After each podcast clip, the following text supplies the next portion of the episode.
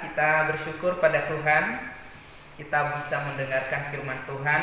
Pada kesempatan ini kita akan belajar tentang Yesus versus dengan Herodes. Tentu yang kita bahas bukanlah peperangan secara fisikal, tetapi lebih pada peperangan antara peran dan kita melihat bagaimana Kristus akan menyikapi peperangan antara dirinya dengan Herodes itu sendiri. Nah, teman-teman, sebelum kita mendengar firman, kita berdoa terlebih dahulu. Tuhan Yesus yang baik, kami bersyukur bila kami boleh mendengar firman, bila kami boleh diisi dengan kebenaran, sehingga kami boleh mengenal Tuhan, mengasihi Tuhan, dan juga menjalankan firman-Mu dalam hidup kami. Berkati kami, supaya kami boleh menjadi anak-anak Tuhan yang hidup mengasihi dan memuliakan Tuhan. Berkati hambamu yang menyampaikannya juga. Dalam nama Yesus kami berdoa. Amin. Teman-teman, kita membahas mengenai Yesus versus Herodes. Jadi kita melihat bagaimana Tuhan Yesus akan menghadapi peperangan terhadap Herodes itu sendiri.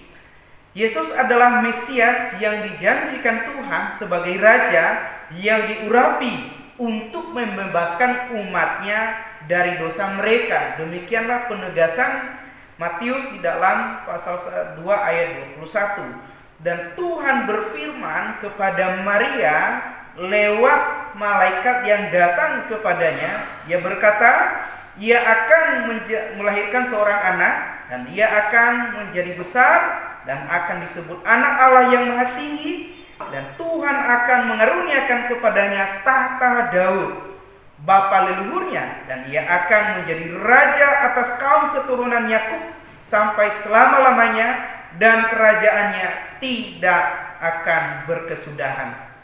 Yesus adalah raja yang kekal dan raja damai. Kuasa dan pemerintahannya kekal selama-lamanya. Demikian penekanan firman Tuhan. Tentu saja kuasa, pemerintahan, dan kekuasaan Tuhan Yesus tidak dibatasi oleh ruang waktu. Karena demikianlah firman Tuhan, dia akan memerintah selama-lamanya dan pemerintahannya adalah seluruh bumi. Dia adalah Tuhan yang menguasai dan yang mengontrol segala sesuatu yang ada di muka bumi ini, bahkan segala sesuatu yang ada di, di alam semesta ini. Dan ia juga adalah Allah, ia adalah raja yang membawa damai yang bagi manusia, dia adalah raja yang membawa sukacita terbesar bagi dunia. Itulah tema Natal kita pada tahun ini. Yesus adalah raja yang membawa anugerah bagi dunia dan setiap yang menerima dan yang percaya kepadanya akan menerima kehidupan dan kerajaan surga kekal untuk selama-lamanya. Oleh karena itu, kita melihat siapakah dia. Dia bukan raja dunia, dia bukan raja yang lahir dari dunia, tetapi ia adalah raja yang dari surga turun ke dalam dunia untuk melayani, untuk memberikan nyawanya bagi seisi dunia, bagi orang yang percaya dan supaya mereka yang percaya beroleh diselamatkan. Nah, di sana kita bisa melihat bagaimana Kristus yang lahir sebagai Tuhan dan juru selamat dan berperan sebagai raja yang membebaskan umatnya dari belenggu dosa. Yesus adalah raja yang rela mati.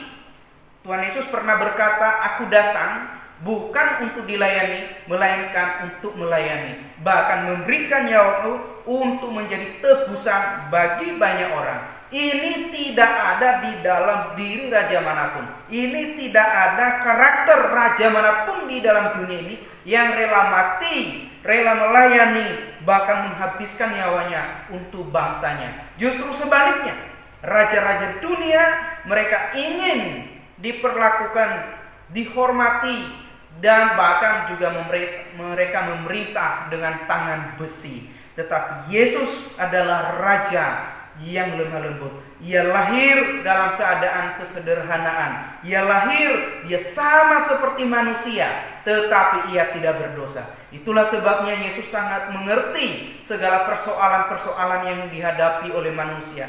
Dia mengerti segala kesulitan, segala masalah, tantangan hidup yang dihadapi oleh manusia karena dia sendiri pun adalah manusia, tetapi juga adalah Allah. Jadi teman-teman kita bisa melihat bahwa Kristus adalah raja yang datang memberikan nyawanya menjadi tebusan bagi banyak orang dan inilah yang menjadi berita kesukaan besar pada malam perayaan Natal. Itulah yang dikabarkan oleh malaikat kepada para gembala-gembala bahwa hari ini telah lahir bagimu juru selamat di kota Daud. Dia adalah Yesus Kristus yang datang untuk menyelamatkan umatnya. Lalu kalau kita melihat ah, bagaimana dengan Herodes, seorang kaisar pada zaman itu atau seorang raja, tentu saja dia juga sangat berbeda dengan Tuhan kita Yesus Kristus. Sedikit kita melihat profil daripada Herodes ini. Herodes adalah seorang kaisar Roma pada zaman Yesus lahir yang mempunyai 10 istri dan dua dari antaranya adalah keponakan-keponakannya sendiri. Nama kakeknya adalah Antipas dan uh, dan ayahnya adalah Antipater. Antipater dan istri dari ayahnya itu bernama Sipros bukan keturunan Yahudi ya, bukan keturunan mereka adalah keturunan Edom dari keturunan Esau. Herodes Agung ini menjadi orang Yahudi melalui pernikahannya setelah dia menceraikan istri pertamanya lalu dia menikah dengan seorang Yahudi bernama Mariamne dan pada akhirnya dia dinobatkan menjadi seorang Yahudi sehingga dia bisa diterima di kalangan Yahudi. Namun dalam perjalanan pernikahan mereka dengan istrinya tidak selalu berjalan dengan mulus. Dia itu seorang yang jahat terhadap pemimpin agama, itulah sebabnya dia membunuh seorang imam dan pada akhirnya muncul permusuhan dia dengan istrinya Miriam. Setelah dia membunuh imam itu, maka mulai muncul lagi keraguan antara dia dengan istrinya. Sehingga dia mencoba mencari cara bagaimana supaya dia ini bisa melenyapkan istrinya. Dan pada akhirnya dia menuruh istrinya mengatakan berzina dan memfonisnya dihukum mati. Nah, setelah istrinya mati, maka dia melihat bagaimana pandangan orang terhadap anak-anaknya dari pernikahannya dengan Mariana ini. Dan dikatakan jangan-jangan nanti kekuasaan tahta sebagai raja itu diberikan kepada anak-anaknya. Sehingga dia mulai menangkap anak-anaknya itu dan membunuh mereka satu persatu sehingga tahtanya, kekuasaannya seolah-olah tetap menjadi haknya dia. Namun tidak lama kemudian sejarah menceritakan bahwa Herodes itu mengangkat dari anak-anak setelah dia membunuh istrinya dan anak-anaknya, dia menikah lagi dengan wanita lain dan pada akhirnya dia melahirkan anak-anak. Dan di situ dia mencoba mengangkat anaknya itu sebagai calon penerusnya berikutnya.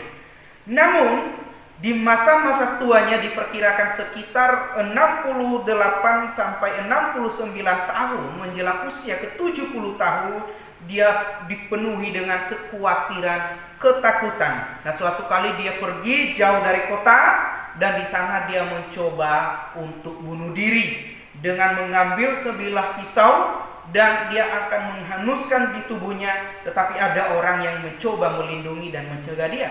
Dan pada akhirnya dia tidak mati. Namun peristiwa coba bunuh diri ini sampai kepada anaknya. Ketika sampai di sana maka anak ini merasa bapaknya sudah mati. Tetapi karena anaknya bapaknya mendengar bahwa anaknya menyebut dia sudah mati akhirnya dia sangat marah sekali Ketika dia sangat marah dan dia kembali membunuh anaknya itu. Dan pada akhirnya kekuasaannya itu tetap kepada dia. Dalam masa-masa itu kita melihat di dalam Alkitab bahwa ada orang majus dari timur. Nah, sampai kepada kisah yang ada di dalam Alkitab, ada orang majus dari timur memberitahukan kepada kaisar kepada Herodes Agung ini bahwa ada raja orang Yahudi yang lahir. Mereka telah melihat bintangnya. Dan sejak itu dia mulai marah dan membunuh semua bayi-bayi Ibrani, bayi-bayi orang Israel yang berusia di bawah di bawah dua tahun di, yang berusia dua tahun ke bawah.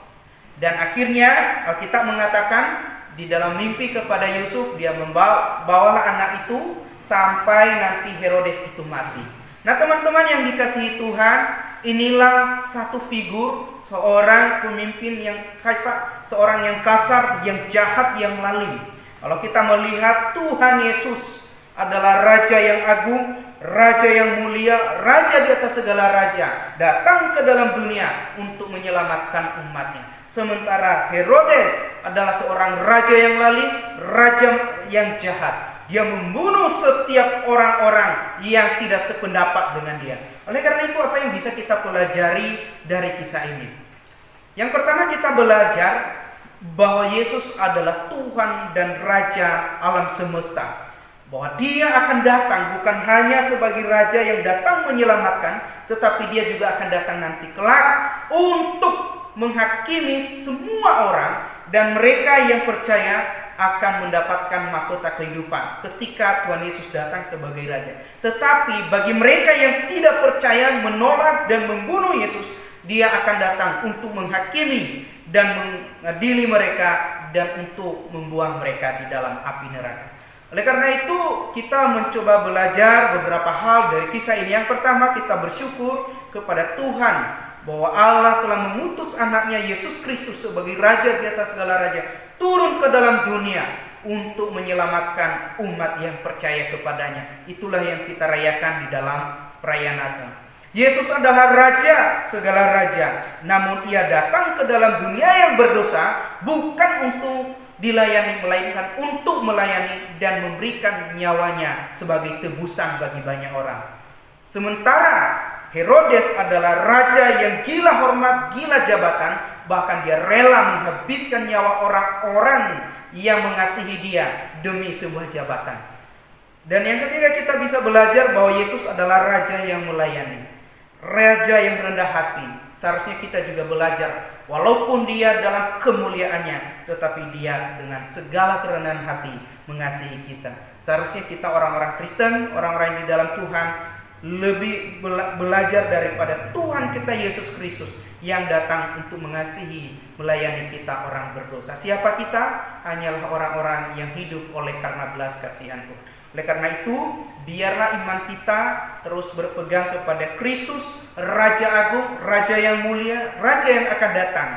Supaya hidup kita, iman kita tetap bersandar kepada Tuhan, tetap tekunlah di dalam iman kepada Tuhan kita Yesus Kristus karena dia adalah berita kesukaan besar yaitu Raja Damai yang membawa keselamatan bagi seisi dunia.